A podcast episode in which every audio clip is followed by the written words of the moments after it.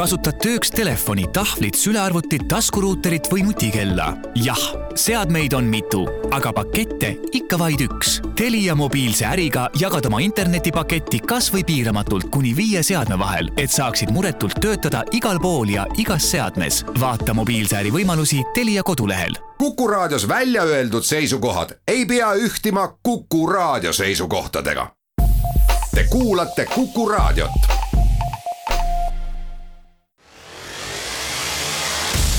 K-komando kolmkümmend, mehed maski taga. saade valmib koostöös Politsei- ja Piirivalveametiga. mehiseid jutte ja mehiseid mehi toetab matka- ja militaartarvetega taivoster.ee kaunist kolmapäeva õhtut, head kuulajad. kuku raadio eeter on järgneva tunni jagu taas kord ka komando ja tema lugude päralt. Meenutame, et me oleme koos Politsei- ja Piirivalveametiga jätkamas minisaatesarja Politsei eriüksusest, mis neil päevil tähistab oma kolmekümnendat sünnipäeva sel puhul on lubanud mehed tulla ja siseringist väljaspoole kõnelema lugusid, mis on seni jäänud suuresti siseringi või napilt-napilt ulatunud leheveergudele. ja täna on meil taas kord eetris seesugune saade, kus me ei saa külalisi kutsuda nimepidi, vaid peame piirduma numbritega, varrukal või kiivril. täna seda enam, et külaliste näol on tegemist aktiivselt teenistuses jätkavate K-komandolastega, kellega vestleme lugudest, mis alles nüüd või natuke aega tagasi leidsid oma lahendi või kulminatsiooni. me oleme siis kõnelemas kõnelemist väärt operatsioonidest K-komando lähiajaloost ja teeme ühtlasi ka juttu K-komando igapäevaelust ja toimetamistest. tervitame häid külalisi, see on lihtne. number viiskümmend, tervist. tervist. viiskümmend kolm. tere. ja viiskümmend üheksa on täna tulemas. ma ei hakka isegi küsima, millal te liitusite või, või kuidas, kuidas te liitusite, seda võiks vast ikka küsida eriüksusega. number viitab sellele, et te olete ikkagi, ütleme siis viimase kümne aasta sees seda teinud. jah, minu konkreetne lugu on siis võib-olla niisugune K-komando oli nagu äh, politsei, ütleme siis karjääri selline loomulik jätk, et äh, kunagi, kunagi alustasin patrullteenistusest, sealt edasi töötasin äh, kiirreageerimisüksuses ja sealt nii-öelda siis minu jaoks selline loomulik jätk, ka kandideerisin mingi hetk ka K-komandosse ja ja nüüd ma siis seal olen. number viiskümmend kolm. mul ei ole midagi erakordsemat siia lisada, et, et äh, täpselt sama sama tulek, et, et kunagi patrullis ja siis kiirreageerija Põhja prefektuuris ja, ja nüüd olen siis ka komandos, et selline traditsiooniline arenemine, võiks öelda. ja kas viiskümmend üheksa käib sama Mul... karjääri arengut pidi? päris sama rada ei ole, et äh, mind kutsuti siis sinna alguses appi seda koerateenistust nagu arendama ja mingi aeg kujunes välja niimoodi, et see hakkas mulle nii palju meeldima, et ma tulin ise ka sinna tööle, et seda maitsta ja tunda veel lähemalt. ja ongi tore teada saada, tegelikult ei koosne ju ainult kahejalgsetest K-komando, vaid sinna kuulub ka neljajalgsed, üks neist hiljuti vist ületas ka uudiskünnist seoses pensionile minekuga. Te olete siis nüüd äh, oma spetsialiseerumiselt günoloog viiskümmend üheksa? jah, et äh, omal ajal sai seda alustatud, hetkel on siis äh, teine koer, kes on siis sellesama suunaga, et esimene teenistuskoer on pensionil, kümme aastat on täis juba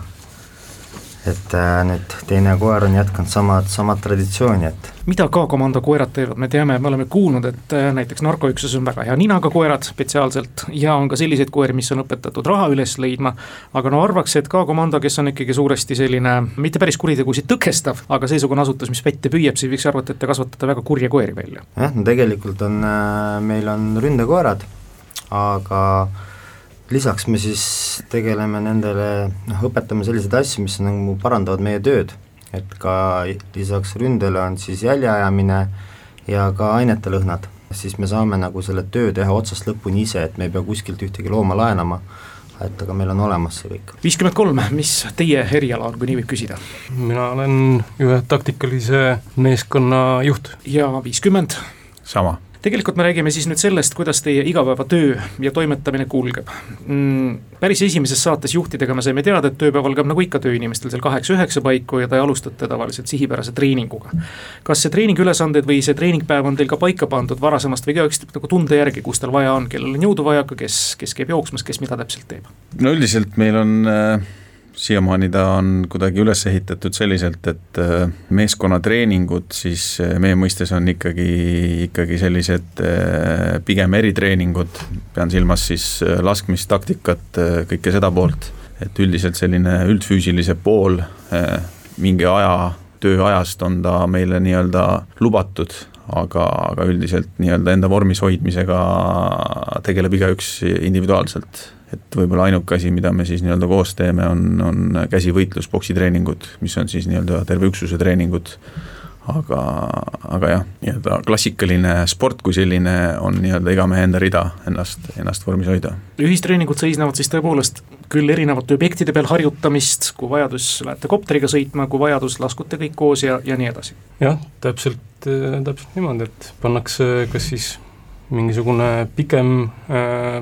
periood juba määratakse ära, mis aja vältel siis mingisuguseid asju tehakse ja vastavalt sellele plaanile me, me toimetame nende treeningutega. ja kas koerajuhid käivad ka sedasama ühte sammu, ehk siis üksustesse kaasatakse koerajuht koos koeraga ka kõike seda tegema, mida mehed teevad? jah, laias laastus on see küll niimoodi, et äh, oleme meeskonna juures ja juhul, kui on vaja koerale siis mingisugust asja nagu täpsemalt õpetada või ta on kuskil koolituses on nagu midagi vajaka või pooleli jäänud, siis me tegeleme sellega eraldi, aga nii, kui ta on valmis meeskonnaga liituma, siis kohe teeme seda koos meeskonnaga ka, jah. koer elab teie juures kodus või baasis? kodus. see vist on ka kõige mõistlikum? nojah, ega selles mõttes, ega tal kodus ka niisugune elu ei ole, et et äh, kui tuleb keegi külla, siis ta istub puuris ja, ja ega, ega ta need pereliikmetega ka nagu eriti sina sõber ei ole, et tuleb ikka häält tõsta vahepeal. Ja siis ühel hetkel, kas need kella kahesed legendaarsed koosolekud, need on ka teie üksuses nagu raudnui paigas, kõik peavad kohal olema? kui nad toimuvad, siis üldjuhul äh, peavad kõik kohal olema jah, kui ei ole mingisuguseid muid tööülesandeid, aga võib-olla, võib-olla nii-öelda varem ajalooliselt olid, olid nii-öelda nagu raudpolt, nad toimusid kell kaks. Äh, nüüd on ta pigem läinud selliseks vajaduspõhiseks, et kui ikkagi millestki rääkida ei ole, siis niisama me kokku ei tule, et tegeleme nii-öelda muude oluliste asjadega. No aeg on nii palju edasi läinud kui varasematel aastatel ja aegadel oli ikkagi üsna palju sellist eksprompt jooksmist, tuli kõne, väga oluline väljakutse ja siis rühm läks nii kiiresti, kui kedagi kätte saadi, kes võttis kella auto peale ja nõndaviisi edasi, tahaks arvata, et tänasel päeval ikkagi oskusi pikalt lihvinuna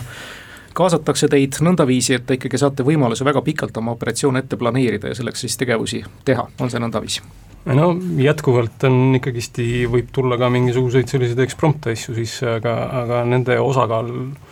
Äh, meie praegustes töödes on ja pigem selline väike, et, et et pigem, pigem on meil ikkagist enda nii-öelda operatsioonid on, on ette teada, et me jõuame teha mingisugused planeerimised,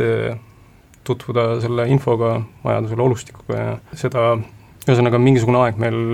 ikkagist tavaliselt on, et, et see, et me nüüd kohe kodust lendame kusagile, on, on, on suht vähe meil praegu aga pikaajalised operatsioonid, need ikkagi hõlmavad peaasjalikult ikkagi kurjategijate nii-öelda mahavõtmist, ehk siis kinnipidamist, sellega on see seotud. just. kuidas nüüd äh, on, mida aeg edasi läheb, seda rohkem igasuguseid ehitisi tehakse, autod muutuvad uuemaks, keerulisema sisseehitusega, lennukitest me ei hakka rääkimagi, kas see kõik, mis vähegi uus on maailmas, jõuab ka teie nii-öelda töölauale, juhul kui teil seda vaja läheb, ma ei tea, kas mingit sisenemist harjutades, mingit taktikalist nõksu, et te siis võtate kohe ette, istute laua taha, hakkate proovima, harjutama? no eks eh, loomulikult igasugune tehnika areneb ja, ja, ja eks samamoodi meie need abivahendid, et eh, kui vanasti oli võib-olla Kang ja, ja Kuvalda, siis selle jaoks on tänapäeval juba igasugused elektrilised ja äh, tööriistad olemas ja eks meie abivahendite areng käib täpselt samamoodi teistega, teiste asjadega käsikäes. võib-olla ma lisan siia, mis on kindlasti väga oluline tänapäeval meie töös, on äh, ka eriüksus K-komando kuulub sellisesse rahvusvahelise politsei eriüksuste nii-öelda organisatsiooni Atlas, on ju, kus nii-öelda ka meie välispartneritega käib üsna niisugune tihe, tihe koostöö ja infovahetus ja kindlasti väga-väga palju niisugust äh, meile olulist informatsiooni tuleb ikkagi sellistest riikidest võib-olla, kus siis nii-öelda meie mõistes nii-öelda, tahaks öelda seda nii-öelda meie, meie tööd, mille pärast me kokku oleme kutsutud, on palju rohkem ja, ja kindlasti nagu väga häid nagu pointe ja asju tuleb, tuleb, tuleb nii-öelda teist poolt piiri, ütleme siis niimoodi. kas on midagi sellist spetsiaalset meie K-komandol, mida näiteks välispartneritel õpetada? kindlasti äh, mingisugused äh, metsataktika, meil on suht selline omapärane või, või äh, maastik, võib öelda, on ju, just metsatüübid, sellised, mereteema on kindlasti meil merepiiri hästi palju, kus, kus me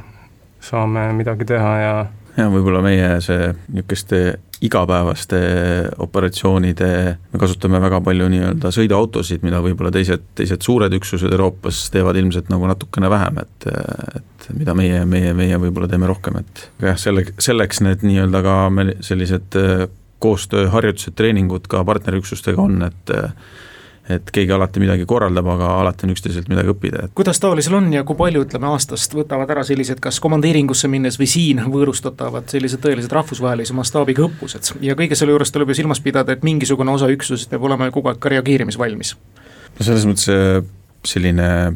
väljapoole Eestit äh, treeningud, äh, koolitused, harjutused, see üldiselt sõltub nagu aastast, et need tavaliselt on sellised ikkagi pikaajalised, kuidas ma ütlen, protsessid või planeeringud, et need ei tule päris niimoodi üleöö, et väiksemal või suuremal määral kindlasti iga aasta me päris mitu korda kuskil niimoodi käime, et võib-olla selliste suuremate puntidena vähem, aga aga igasugustel äh, huvitavatel messidel ja nii edasi oleme me ikkagi alati nii-öelda esindatud, et et eelmine aasta ilmselgelt natuke vähem, aga, aga muidu jah ja mis puudutab just siin Eestis nende suuremate õppuste korraldamist, et äh, olgugi, et see võib-olla kestis äh, nädal aega siin kohapeal, on ju, et aga aga väga suure tööajast võttis eelnevalt ka kogu selle õppuse planeerimine ja, ja kavade kokkupanek ja, ja et, et et see samamoodi võtab kuid ja kuid ennem, ennem selle õppuse toimumise aega juba nii-öelda meilt tüki ära siis millegi, millegi muu arvelt, et millega me peame arvestama. Me läheme siinkohal väikesele pausile ja seejärel jätkame siis juttu juba eriüksuse K-komando tänasest päevast koos heade külalistega. K-komando kolmkümmend, mehed maski taga saade valmib koostöös Politsei- ja Piirivalveametiga. suuri ja väikeseid seiklusi toetab parima matka- ja militaarvarustusega taivoster.ee me jätkame saadet K-komando kolmkümmend, tähistamaks politsei eriüksuse juubelit, me oleme juttudega tänases päevas, külalised on tänased K-komando töötajad number viiskümmend, viiskümmend kolm ja viiskümmend üheksa. järgnevalt võtame aga jutuks mõned sündmused, mis on siin uudiskünnist küll kõvasti ületanud, kindlasti on ka selliseid lugusid teil palju rääkida, mis ei ole uudiskünnist ületanud, mistõttu on ka saatejuhil selle kohta raske küsida, aga seda enam võite ise aktiivsust üles näidata. aga tegelikult juhtum aastast kaks tuhat üksteist, mis kogu Eestit ju vapustas, mõeldes, et sellised asjad üldse teoks võivad saada, et inimene tungib kaitseministeeriumisse, mis idee järgi on ju kaitstud, valvatud koht ja korraldab seal sellise mürgli. kuidas te seda päeva mäletate? sina viiskümmend olid seal vahetult osaline. jaa, et selles mõttes mul on, mul on sellega selline isiklik äh, side selle, selle konkreetse sündmusega, et äh, ma olin tegelikult üsna värskelt K-komandoga liitunud ja see päev oli tollal hästi meeles ka, tollane K-komando juht Heldur Lomp veel helistas, et ta küll ei täpsustanud, mis sündmus on, aga kutsus nii-öelda tööle, vist oli kuskil kolme paiku või nelja paiku päeval äkki. ja, ja siis nii-öelda baasis olles siis saime teada, et, et selline sündmus ja komplekteerisime oma varustuse ja, ja, ja sinna me nii-öelda läksime, et äh, jäi niimoodi eredalt meelde nii-öelda suhteliselt värske K-komando liikmena kohe saada sellisele sündmusele nii-öelda kaasa ja, ja osa sellest ja kui ma mõtlen oma töö ja, ja oma elukutsuse peale, siis, siis nagu, siis nagu, nagu hindamatu kogemus selles mõttes. see oli üheteistkümnes august kaks tuhat üksteist, kus siis tõepoolest ilmselt isiklike eluprobleemidesse nii-öelda kuhjunud Karen Trabian ei leidnud muud võimalust, kui minna Kaitseministeeriumisse vist oma mingit tõde ja õiglust otsima. ta läks sinna lõhkepaketti, pakettidega, mis olid teil kilekotis sees, tal oli relv käes, ta jõudis midagi korraldada, ta jõudis kaitseministeeriumi ühte tiiba. kuidas tavalistel puhkudel on, äärmiselt tõsine sündmus, no ma eeldan, et vist olite täisüksusega väljas. aga mis infot ja kas te saate kogu nii-öelda briifi kätte ka niimoodi üksikvõitleja tasemel, kas või teiesugune algaja toona, nagu te olite, et anti teile see oluline info kätte või ainult see, mis puudutas, ütleme konkreetselt teie töölõiku, anti konkreetne käsk, et sa oled, ma ei tea, seal vot selles rollis? ei, üldiselt on üles ehitatud ikkagi niimoodi meil, et kui mingisugune selline sündmus tuleb, siis me üldiselt ikka ikka päris pea ees kuskile ei jookse, et kiire, kiire selline briif ikkagi meestele kõigile tehakse, et eh, mis toimub ja kus toimub ja, ja siis eh, sealt võib-olla tehakse selline alajaotus või, või kes mis lõiku läheb nii-öelda tegema või, või juhtima ja, nii edasi, et eh, kuna tollal väga palju sellest nagu teada ei olnud, ma mäletan, et oli lihtsalt, et mingisugune hull eh, kuskil kaitseminnis paugutab, et äh, nii palju, kui meil infot oli, nii palju me selle nii-öelda omavahel jagasime ja sündmuskohale jõudes selles mõttes sündmus ikkagi vältab, et meie ei ole nii-öelda esmareageerijad ja, ja kindlasti me ei jõua üldiselt sündmuspaikadele esimesena, et nii ka tookord, et politsei oli tegelikult juba, tavapolitsei või patrull oli siis nii-öelda ala sisse piiranud ja Tallinna nii-öelda kiirreageerimisüksus oli ka seal juba sees ja toimetas ja ja nendelt saime ka nii-öelda selle järje siis kätte, kus, kus, kuhu nemad nagu jõudsid ja, ja, ja üldiselt see niimoodi nagu üles ehitatud ongi, et kui ei ole selline sündmus, mis kindlasti vajab politsei kohest sekkumist, siis, siis, siis Eestis ta meil niimoodi üles ehitatud ongi, et äh, võimalusel tavapolitsei nii-öelda äh, külmutab olukorra ja, ja siis äh, vastavalt vajadusele lahendavad seda kas siis kiirreageerijad või siis, või siis meie. ühel hetkel tuli otsus, kuna Trambian vist läbirääkimistele ei allunud mitte millelegi, et K-komando tuleb sisse saata. ja sellisel juhul ma isegi ei tea, mis, mis taktika järgi te läksite, aga te läksite, kas te olite ka majja sisenejate seas või? jaa, me läksime nii-öelda peauksest sisse, kiirreageerijad olid seal meil vastas, andsid meile kiire ülevaate, mis seis on, kus teda viimati nähti, tollel hetkel oli vaikus ja siis nii see vaikselt seal kerima hakkas, et nii palju, kui ma mäletan, kogu sellest sündmusest, siis äh, ega ta vist nagu sõnagi meiega ei vahetanud, ma nagu mäletan, et me ikkagi korduvalt tal üritasime temaga nagu kontakti saada verbaalselt, aga, aga, aga ma vähemalt ei, ei suuda meenutada, et sealt oleks ühtegi nagu nii-öelda piuksu vastu tulnud, et ta ikkagi tundus, et oli sinna oma mingisuguse missiooniga läinud ja üritas siis seda, seda nii-öelda ellu viia. tasus teiega tulevahetus, veelgi enam jah, see oli, see oli täpselt selline moment, et kus ta siis koridori peal, kus teda nagu viimati nähti, selle koridori ees olid suured sellised puituksed ja kui me asusime siis nii-öelda sinna sisenema või seda ust avama, siis, ta põhja, põhimõtteliselt meie, meile ka mingi hetk nagu tule nagu avas. ega päris hästi aru ei saanud, et eh, kus ta täpselt laseb ja siis ta seal kukkus neid isevalmistatud mingisuguseid lõhkekehi, millest me alguses ei saanud isegi aru, mis need on, loopima ja osad neist olid nii-öelda, ajasid neid suitsu välja, ühesõnaga, et seal oli niisugune, niisugune paras segadus mingi hetk, et koridor oli suitsu täis ja, ja ega me visuaalselt nagu midagi ei näinud et hiljem siis tagantjärgi neid äh, kaamerasalvestisi vaadates, siis, siis, siis ta seal niimoodi ühest ruumist siis lihtsalt meie suunas nagu paugutaski, et mis hetkel või kes langetab selle otsuse, et tuleb teha see nüüd kõige kurvem otsus, ehk siis tuleb anda lask vastu, et muud varianti ei ole? no eelkõige nii-öelda need eesliinil olevad ametnikud äh, ise, ehk siis, et kuigi nii suure sündmuse puhul on ilmselgelt äh, püsti pandud ka staap, kes seda juhib Äh, tollel hetkel oli vist Kaitsepolitseiamet see, aga selles mõttes, et kui politseiametniku või kellegi kõrvalise elu on ikkagi ohus, siis kellegi nii-öelda luba vastutuli avada kindlasti ei oota ja seda ei nõua ka seadus, et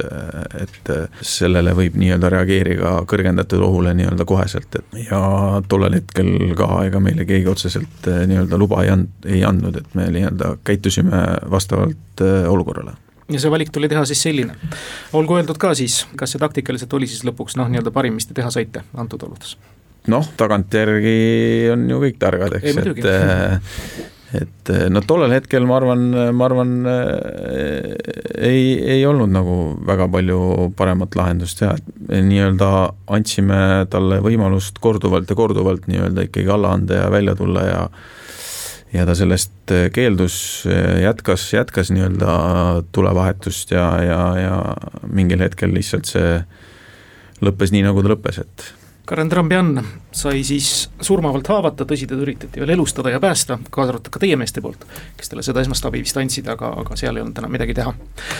nüüd räägime nendest asjadest, mis kahe tuhande viieteistkümnendal aastal naelutasid, kuna need asjad sündisid praktiliselt siin vaata et otse-eetris, naelutasid inimesi arvutite juurde ja vaadati, kuidas Leedu autovargaid taga aetakse. see oli aastal kaks tuhat viisteist vist, kui esimene laine siis kallhinnaliste maasturite ja autode vargaid siit läbi käis ja ühel hetkel nad ka kätte saadi ja vot siin peate küll nüüd mälu värskendama, et kuidas see lugu käis, ma usun, et mingisugune operatiivinfo oli olemas, et leedulased on siin toimetamas ja teil oli juba valmisolek olemas või? nojah, et äh... ütleme kohe ära, et leedulased on siin mitut puhku käinud ja kinni püütud et, et ega me ise juhuslikult kusagil seal äh, Lääne-Eesti ja Lõuna-Eesti metsade vahel ei, ei oodanud neid, et, et äh, mingisugune info oli olemas ja ja umbkaudu olid, oli ka teada, et, et äh, kus, kus kandis nad toimetavad. aga noh, eks me selles suhtes äh, olime natukene juba nagu enda peas ka nende jaoks nagu ette valmistunud, et, et tegelikult see on juba natukene varasemast, et kas kaks tuhat kaksteist, kaks tuhat kolmteist, kui Äh, kui algasid need lained, kui käidi kusagilt äh, Soomest, Rootsist äh, kalleid, võimsaid maastureid varastamas, et, et siis olid neil sellised suht või väga head autojuhid sinna pandud nende kallite autodega Äh, läbi Eesti siis sõitma sinna äh, Läti ja Leedu poole, et, et ja need sõitsid siin päris mitmeid autosid katki ja aedasid läbi, et, et jumala eest politsei eest ära saada, et kui see kaks tuhat viisteist ja sealt edasi, et äh, iga kord, kui, kui nagu nendega mingisugune kokkupuude jälle on, et et siis alati täie tõsi, tõsidusega me sinna peale lähme ja kõikide võimalustega peame arvestama, et, et mida, mida, millega nad meid üllatada proovivad, et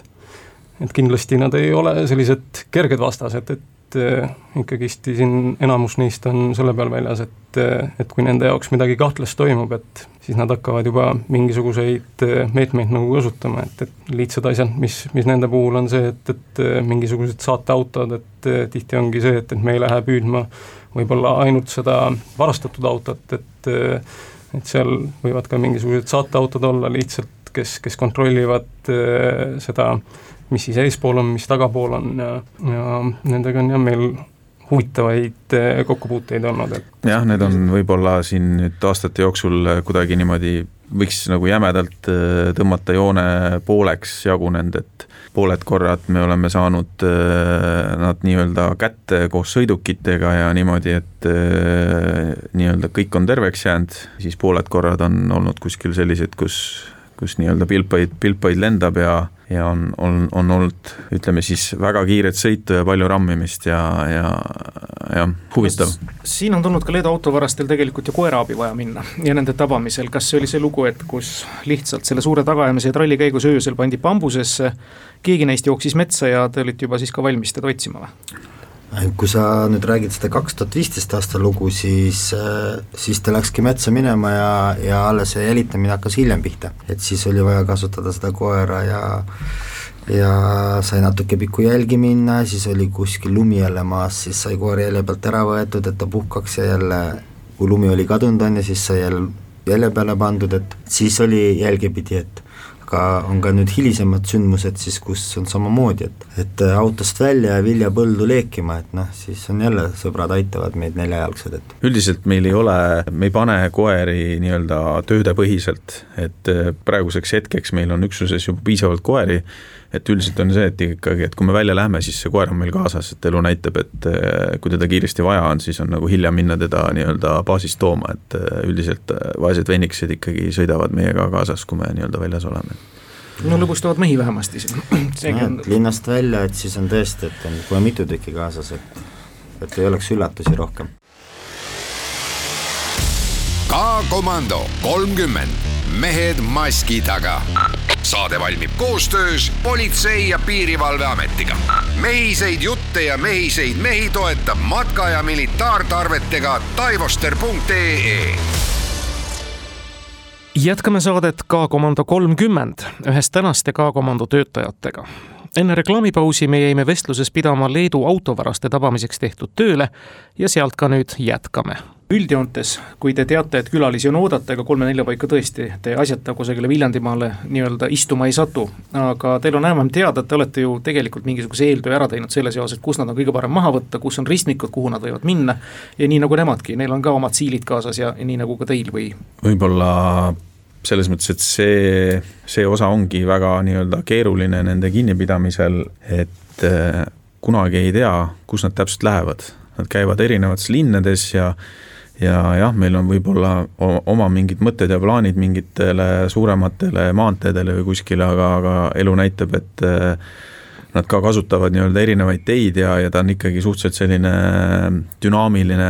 ja vastavalt olukorrale lähenemine siis, et ei, ei ole päris nii lihtne, et loomulikult äh, kriminaalpolitsei ja siin jälitusametnikud teevad head tööd ja mingiks ajaks meil on mingisugune pilt on äh, selge, mis nii-öelda meie tööd olult-, oluliselt lihtsustab, aga, aga ta lihtne ei ole kindlasti kunagi, et, äh, et jah, kunagi nii-öelda ei tea, et võib-olla tuleb see indikatsioon, et nad on jälle meie poole teel, aga kuhu nad lähevad ja nii edasi, et see on, see on alati selline loto nii-öelda. aga lotos te võidate keskmisest tihedamini, ma arvan küll, need pileteid, kui me nüüd meenutame veel ühte juhtumit ja see juhtum ka nüüd on just nimelt tänavu väga palju videotes kajastamist leidnud, nende meeste tegevused, jutt käib siis pangaautomaatide lõhkajatest küll Moldovast ja küll Rumeeniast, ühel hetkel nad Häädemeestel enam sinna tegudeni ei jõudnud, sest et te teadsite neid seal oodata kuidagipidi ees. kuidas see on, see oli ikka tegelikult paras kassihiire mäng, sest nemad teadsid, et teie võite teada ja, ja kuidagipidi sa pidid nagu selle vastase sisse sulandama, kui palju taolisi operatsioone ette valmistades üleüldse te nii-öelda pätiks kehastute ja mõtlete, et ahah, mis ta nüüd siin teha võib, et ma juba siin olen valmis? no antud, antud lool seal Häädemeestel koos äh, Moldova äh, varastega, et, et äh, seal tegelikult tegi väga head tööd meie kriminaalpolitsei, et, et äh, kindlasti, kindlasti peab, peab nei-, äh, nii-öelda neid nagu tänama, et, et meil see operatsioon seal õnnestus, on ju, et, et aga eks see ole ikkagist tavaline, et, et kui, kui mingisugune kindel objekt on ees ja, ja tead, et keegi tuleb sinna midagi, midagi planeerima või, või tegema, siis eks äh, eks nii-öelda kõigilt tuleb see mõtted ja, ja, ja need variandid kokku koguda, et, et kuidas sina seda teeksid ja, ja, siis enda nii-öelda vastuplaan sinna peale, eh, peale mõelda, et, et eh, eks nii, nii seekord sai ka tehtud, aga aga noh, samamoodi meil, kuna see oli tegelikult mitu päeva kestev operatsioon, et eh, mõned päevad nad veel ei läinud sinna, kuigi me olime valmis, siis ühe päeva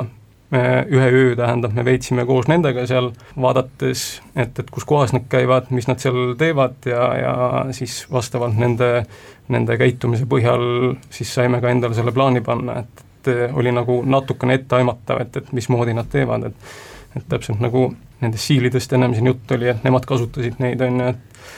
et, et eks me seal nägime ka ära, et kuhu, kuhu nad juba järgmiseks ööks need siilid eh, valmis panid, et, et eh, siis teadsime, teadsime selles kohas tähelepanelikum olla, et, et mingisugune hetk nad, need siilid sinna tee peale ette arvatavasti silmuvad, on ju, et, et aga eks nad selles suhtes mingi koha pealt olid nagu hästi tööd teinud, aga eks nad teiselt poolt jälle olid suht lohakad sellised, et mis siis lõppkokkuvõttes ka väljendus nende selles tulemuses ebaõnnestumises ja noh ühesõnaga, nad mängisid teile teie endi silme all kätte selle, mis nad kõik kavatsevad tegema hakata ja te oleks võinud ju siis nad maha võtta, aga põhimõtteliselt siis poleks saanud ju midagi neile ette heita. ikkagi otse teolt, et oleks nagu täie rauaga ja noh, lõpuks see leidis ka siit kohtus niimoodi tõestamist no see on jälle, see on see osa nüüd, kus tuleb jälle see nii-öelda kriminaalpolitsei või meie mõistes siis töötellija nii-öelda soovmängu, et meie ise üldiselt ei otsusta, mis ja millal, et meile öeldakse, et oleks sellel hetkel vaja ja me ütleme, kas see on võimalik või mitte, et et jah, nii-öelda töötellija on see, kes eh, ütleb, millal, millal on õige aeg ja meie, üldiselt. ja meie siis ütleme talle, et kuidas me seda teeme ja kes on tema jaoks vastuvõetav ja see ongi see veeretamine, et kui tema ütleb, et niimoodi ei ole vastuvõetav, siis järelikult me peame midagi muud välja mõtlema. aga üldjoontes teid ju kuulatakse kui spetsialist, et see on kõige parem nii-öelda realiseerimise viis, info realiseerimise viis? no jah, sest Eh, tihtipeale juhtub selliseid asju, et nii-öelda eh, ütleme siis uurija või jälitusametnik eh, arvab oma peas, et mingeid asju võiks niimoodi teha, aga aga tal võib-olla pole päris ettekujutust, kas see ka nii-öelda päris, päris elus reaalselt on ka nii-öelda teostatav või mitte, et kõik me nii-öelda julgeme öelda, kui mingid asjad võib-olla meie arvates ei ole, ei tule välja nii, nagu nad peaksid tulema, siis me kindlasti ka ütleme, et alati tahame ju ka nii-öelda parima anda ja et, et töö nagu õnnestuks, et siis kui me juba eos näeme, et see ei ole nagu teostatav, siis, siis kindlasti me teeme suu lahti ja, ja nii, nii ka teada anname. kuulge, rääkige sellest üllatusmomendist ka nii-öelda päti silmis, ühel hetkel, kui te kohale lendate, sündmuse sisse piirate ja nii-öelda kokku pakite antud materjali, kas sära silmis, mis on siis nii-öelda vastu vaatab, on vist väga ehmunud või? no moldavlaste puhul näiteks, kes olid nii ette valmistanud juhuks, et äh, tõesti kõrvalisi sõidukeid tõrjuda ja mida iganes. jah, nende jaoks vist tuli see ikkagi nagu täieliku üllatusena, et äh, selleks hetkeks me, meil oli ka nii-öelda äh, kaamerapilt seal pangaautomaadi ees toimuvast, ise me olime siis ennast nii-öelda lähedusse peitnud, nad isegi seal kordamööda nagu sellest et äh, see video vist on isegi meedias olnud, eks, kus nad seal peavad nii-öelda valvet ja, ja, ja ikkagi, kui see hetk, kui nad saavad aru, et, et nad on nii-öelda vahele jäänud, siis seal on selline üllatus ja imestus koos siis ja, ja mingil hetkel inimesel alati näed, et tal on korra, käib ikka peast läbi, et mida teha, et kas proovida põgeneda või mitte, aga aga üldjuhul jah, kui, kui nad ikkagi näevad, et äh, ülekaal on, on suur ja väga kuskile minna ei ole, siis, siis üldiselt ikkagi antakse alla, et äh, väga, väga harva, kus, kus, kus nii-öelda lõpuni, lõpuni keegi vastu võitleb, et. jah, seal piltlikult ju oli see, et, et see ruum, kuhu nad ise tahtsid sisse murda seal pangaautomaadi kõrval, et, et piltlikult sealt hiljem tulid äh, inimesed välja neid kinni pidama, et, et äh, mm, seesugune huvitav seik juurde. tavaliselt on niimoodi, et kui toimub mõni laskmisjuhtum Eestis ja kuna laskmised on sedavõrd haruldaseks jäänud, nad vapustavad tegelikult kogu ühiskonda, kas on enamasti nõndaviisi, et helistatakse igaks juhuks ka teile, et koheselt, et vaata, et on vaja reageerida, tulirõvedega juhtumid siis? ei, kindlasti mitte, et nagu ma eelnevalt ütlesin, et nii-öelda meie ei ole esmareageerijad Eestis, esmareageerijad on ikkagi patrullpolitseinikud ja, ja, ja kiirreageerimisüksused, kes siis nüüdseks on äh, nii-öelda igas, igas Eesti prefektuuris, neljas prefektuuris olemas, mis teevad nii-öelda meie, meie töö ka kindlasti oluliselt nagu lihtsamaks, et äh, varem, kui, kui nad paiknesid, kiirreageerijad siis paiknesid ainult Tallinnas, siis oli ka meil kindlasti rohkem nii-öelda üle Eesti sõitmist ja, ja, ja nüüd on, nüüd on nagu meie elu tänu sellele ka nagu lõdvemaks läinud, et see peab olema mingisugune suurem sündmus juba, kus, kus helistatakse ka meile ja palutakse abi, et neid on ka ette tulnud, aga, aga, aga jah, oluliselt vähem kui, kui siin aastaid tagasi, ütleme siis nii. no me traagilisest Lihula juht, juhtumist veel rääkida ei saa, aga tänavu maikuus või eelmise aasta maikuus Elvas toimunud, kus te pidite ju ka reageerima, kus siis kaks jahiseltsilist omavahel niivõrd pöördumatult tülli läksid, et üksteise maha lasi. et eh, sel puhul tuli ju pikk reageerimine ette võtta ja mis see ajend või otsus võis toonasel hetkel olla teie väljakutsujate peas? Äh, vist oli, vist oli, vist oli see, et äh, oli teada täpne info juba, et üks inimene on, on äh, maha lastud, on surnud ja, ja mm, seal ilmselt tulid need nii-öelda võimalikud isikud päris ruttu taha ja ja taustainfot kogudes siis äh, tuli seal ju välja, et äh, inimeste nimel oli registreeritud erinevaid äh, suurekaliibrilisi tulirelvi ja tollel hetkel tööl olnud siis Lõuna prefektuuri vastutav kiirreageerija helistaski, helistaski meie valvetelefonile, ütles, neil on selline sündmus ja ja, ja sooviksid ka meie, meie abi ja, ja siis üldiselt sellisel puhul nii ongi, et meie ajame oma valve, valvemeeskonna kokku ja olenevalt siis sellest äh, kohast äh, tuleb kiire selline kalkulatsioon, et kuhu on mõistlik minna mööda maad ja sõidukitega ja kuhu, kuhu siis helikopteriga, et tollal ka oli see helikopter meil põhimõtteliselt plaanis, aga, aga otsustati lõpuks ikkagi minna mööda maad, kuna nii-öelda varustuse ja, ja muu, muu, muu element oleks, oleks nagu olemas, siis, siis läks nii ja sealne lugu oli siis selline klassikaline või oli pätt juba kätte saadud selleks, kui jõudsid? ei, pätt ei olnud käes, selles mõttes võiks öelda jah, nagu need enamus Eesti tapmised on, võiks nimetada olmetapmisteks, et mingid härrased võtavad koos viina ja ühel hetkel siis kukuvad kas püsse paugutama või üksteist pussitama, et niisugune üsna niisugune klassikaline juhus, juhus võiks öelda, et oligi siis ühise viina võtmise käigus siis oli, oli, oli seal üks härrasmees teist tulistanud ja nii oligi, et eh, kui me ta kinni pidasime, siis ta põhimõtteliselt istus, istus hoovi peal oma, oma sõidukis ja, ja tema see sõber siis, kelle ta oli maha lasknud, oli tal seal kõrval maas. ega ta vist vastu hukku enam ei? ei, ta seal jah, selles mõttes ta oli niimoodi silma järgi öeldes ikkagi väga-väga-väga joobes, et, et sealt ei oleks ilmselt jah, mhm. ka parema tahtmise juures midagi K-komando kolmkümmend, mehed maski taga. Saade valmib koostöös Politsei- ja Piirivalveametiga. suuri ja väikeseid seiklusi toetab parima matka- ja militaarvarustusega taivoster.ee kuidas teil on koerajuhina, kui tegemist on ründekoeraga ja te lähete mõnda pätti siis nii-öelda kinni pidama, teil lasub see ülesanne lõpuks ikkagi rauad panna, mitte nüüd konkreetselt koeral või või, või kuidas see täpselt käib ja kuidas te peate olema siis lisaks koera taltsutamisele valmis nii-öelda ka füüsilist vastuhakku taluma? no selles mõttes eh, me koerad on, nad on ründekoerad, ütleme, nad, nad teevad ise päris head tööd. Et kui need koerad hakkavad seal siis selle kurjategijaga tegelema, siis ega tegelikult mul jääbki üle ainult rauastada, sest see põhitähelepanu võtab see koer endale ja, ja ta ikka teeb korraliku töötluse seal ennem ära, et enne kui ma need rauad peale saan, et et selles mõttes ta on hea abivahend, kui ta töötab hästi mm. -hmm. kas ka tuleb koerte puhul ette vaadata seda, et ta liiga hästi ei töötaks? noh, seda kohta ma nagu koerale ei saa öelda, et kust ta nagu võtab või mis ta teeb, et et selles mõttes see on rohkem nagu kurjategija enda valik, et kui ta hakkab sellele koerale vastu, siis see jõud, mida see koer rakendab, on veel suurem. Ja kui ta sealt koheselt altub ja ütleme, allub nendele korraldustele, siis võetakse see koer seal kohe kiirelt küljest ära, et noh, juhul kui ta on kinni tammustanud või kui me kasutame näiteks suukorvis, siis on samamoodi, et kui isik lõpetab vastupanu ja allub korraldustele ja me saame ta ära rauastada, siis ega seda koera seal juures väga kaua ei hoita, et see on omaette kogemus, aga ega ta meeldiv ei ole. Mis on teie töös olnud, noh, ma saan aru, siin juba tegelikult kümme pluss aastat, nagu on välja koorunud, on olnud sellised vast no ütleme, ekstreemsaimad elamused, olgu need siis kui tahes naljakad või tõsised, iganes, millest te rääkida saate. on see olnud siis ütleme, mitte just pehmetel lainetel loksumine Prangli saarele või, või, või midagi muud sellist huvitavat, olmelist või mingisugune kinnipidamine kuskil kõrgustes näiteks või, meenub teile midagi? konkreetselt minul jah, see nii-öelda võiks öelda kõige eredam äh, moment seostub ikkagi Kaitseministeeriumi tulistamisega, aga aga niisugust midagi, midagi mul võib-olla eriala koha pealt siis võib-olla see esimene, esimene töö, mis me kunagi tegime piiri ääres ja, ja aasta aega saime seda tööd teha ja lõppkulminatsioon oli selline siis, kus siis need pahad jooksid sealt laiali ja ma sain siis esimese nii-öelda jäljega komandos ajada. Ja peale mida siis kahte-kolme kilomeetrit saime siis veel kinni pidada ja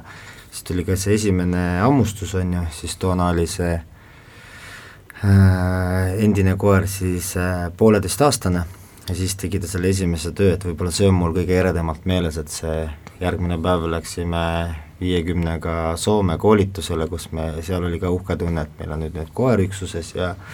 saime öösel esimese töö tehtud, et on märk maas, et tavaliselt läksime Soome kolleegide juurde, siis nendel oli midagi rääkida ja meil siis ma ei noogutasime kaasa, aga nüüd hakkasid asjad nagu muutuma. nii, viiskümmend kolm mõtiskleb ainult ei, pigem võib-olla sellised mm, ärevamad, mida enda jaoks nagu mõelda, ongi mingid sellised situatsioonid võib-olla, kus kus äh, need, mis, mis ei olene nagu mitte kellegi võib-olla tegevusest ja tahtest, võib-olla ongi mingisugused äh, suurte, suurema tormiga kusagil mere peal tõesti paadiga seal, kus on juba selline tunne, et, et kohe see asi lendab seal ümber või, või äh, või mingid sellised asjad, aga aga ma ei tea, nende aastate jooksul nagu ei oska eriti midagi nagu eristada üht teisest, et kõik tundub nagu suht tavaline. Te peate olema kogu aeg, kakskümmend neli tundi oma töö tarvis sellises nii-öelda füüsilises tippvormis, ehk siis seda jõudu hoidma, kas see pentsik küsida, kas see väsitab ka tegelikult? Ühel hetkel, kui sa pead niimoodi võrgus olema, sa pead olema iga hetk valmis nii mentaalselt kui ka füüsiliselt peale hüppama või paati hüppama? kindlasti väsitab, et selles mõttes, et mul isiklikult on, on väga, väga hästi meeles,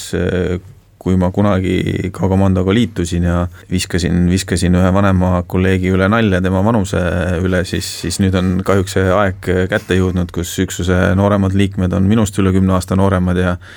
ja, ja see, ütleme siis varustusega trampimine on kindlasti oma jälje nagu jätnud, et vahest vahest hommikul üles ärgates, siis ei tundu see number passis nii väike no ma eeldan, et see on ikka väiksem kui viiskümmend, mis on varuka peal. jah, seda, seda küll, seda küll. mitte kauaks aga kuidas, kuidas teiega näiteks viiskümmend kolm on? jah, ega võib-olla ongi see, et, et see nii-öelda füüsiline pool on, on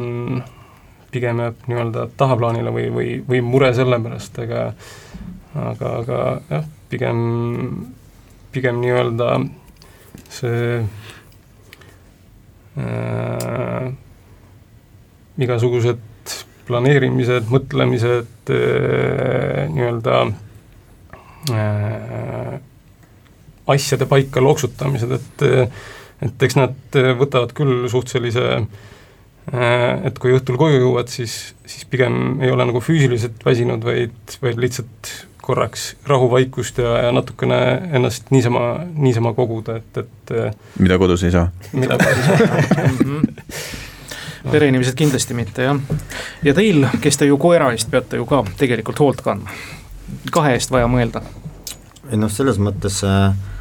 mul on nagu endal nagu hea meel, et see töö ja hobi on nagu koos, on ju, aga jah, selles suhtes, et äh, kui ma nüüd tahaks kuskile puhkama minna või puhkusele või mul ei ole kuskile jätta seda koera tegelikult. ja, ja sellega, et noh, just nüüd see viimane olend, kes nüüd mulle tekkis, on ju, et see on nagu, ei taltu üldse millegipärast teistega, siis kui teisi koeri ma olen siis kolleegidele saanud jätta või saan nädalakese kuskil puhkama minna, siis need minu puhkused piirduvad Mustakul või kuskil mujal niimoodi lähemal, kus ma saan selle koera kaasa võtta ja no siis te peate küll eelmist aastat ikka väga tänama, et seda võimalustki ei antud välismaale minna. noh, selles mõttes, kui ma oleks jälle saanud kuskile, kui ma oleks saanud kuskile temaga trenni minna, siis ta oleks nagu täitsa hea olnud, on ju, aga mm. jah, et ilma, ilma ma enam reisida ei saa, see on mm, -hmm. ütleme veel kuskil, kuskil kaheksa aastat kas te igapäevaselt mõtlete sellele tööd tehes, operatsioonile minnes, et see võib olla nüüd seesugune operatsioon, kus võib väga tõsiselt viga saada, kus või midagi võib juhtuda? või sellele lihtsalt ei saa mõelda, see kõik on juba automaatikas enda jaoks peast läbi mõeldud, ma olen selle ameti valinud sellepärast, et ja ma pean arvestama sellega, et. no pigem see teine variant, et äh, selles mõttes, et eks me kindlasti nii-öelda välja minnes äh, kõiki võimalikke ohte peame nagu hindama, aga kuskil see nii-öelda ajusopis ei, ei, ei, ei, ei kõlise või ei tuleta ennast kogu aeg meelde, et, et midagi võib juhtuda, et, et ei, pigem jah, selline aastatega nii-öelda töötamine on ikkagi, ikkagi äh, kuidas ma ütlen? no et kui, kui see vasardaks kogu aeg kuklas ja ainult selle peale mõtleks, siis, siis vist seda, seda tööd nagu teha ei saaks, et kindlasti ei saa öelda, et, et, et hirmu ei ole, hirm, hirm on, hirm on ikka mingil hetkel, et see, see nii-öelda hoiab nagu teravana, et, et kui see ära kaob, siis on võib-olla pahasti, aga aga jah, et, et jah pea, peast ta nii-öelda ei, ei vasarda. Kogu aeg see on juba vist iseenesest juba reflektoorseks selgelt õpitud, et kuidas nii-öelda ohte ära tunda iseenese jaoks ja kuidas teda nii-öelda ära minimiseerida, sest ma usun, et ka teie töös on ju see kõige olulisem ikkagi noh, nii-öelda inimelu päästmine. ühelt poolt, teiselt poolt ja teiselt poolt pead, ühelt poolt nagu see, keda minnakse päästma, kui me räägime pantvangikriisidest. ja teisipidi te peate ju loomulikult ka enda eest hoolt kandma, sest vastasel juhul te ei saa sündmust lahendada. nii ongi kuulge, ega ma ei saa lõpetuseks küsimata jätta, kui ma põhimõtteliselt peaks paluma või teid peaks paluma näiteks viie minuti pärast, ütleme, teletornist tuleb väljakutse, et väliskarniisil on situatsioon, teine või kolmas, te teaksite une pealt enam-vähem viie minutiga plaani kokku panna, kes mida täpselt teeks, keda selle jaoks vaja on ja nii edasi. natukene rohkem läheks aega selge pilt. suur tänu teile tulemast, tänased K-komando töötajad viiskümmend, viiskümmend kolm ja viiskümmend üheksa oma tööst rääkimast ja ka värskemaid sündmusi meenutamast, soovime teile edu, jõudu, et jaguks füüsist ja et ka vaim püsiks jätkuvalt virge. aitüma. K-komando kolmkümmend, mehed maski taga saade valmib koostöös Politsei- ja Piirivalveametiga. mehiseid jutte ja mehiseid mehi toetab matka- ja militaartarvetega taivoster.ee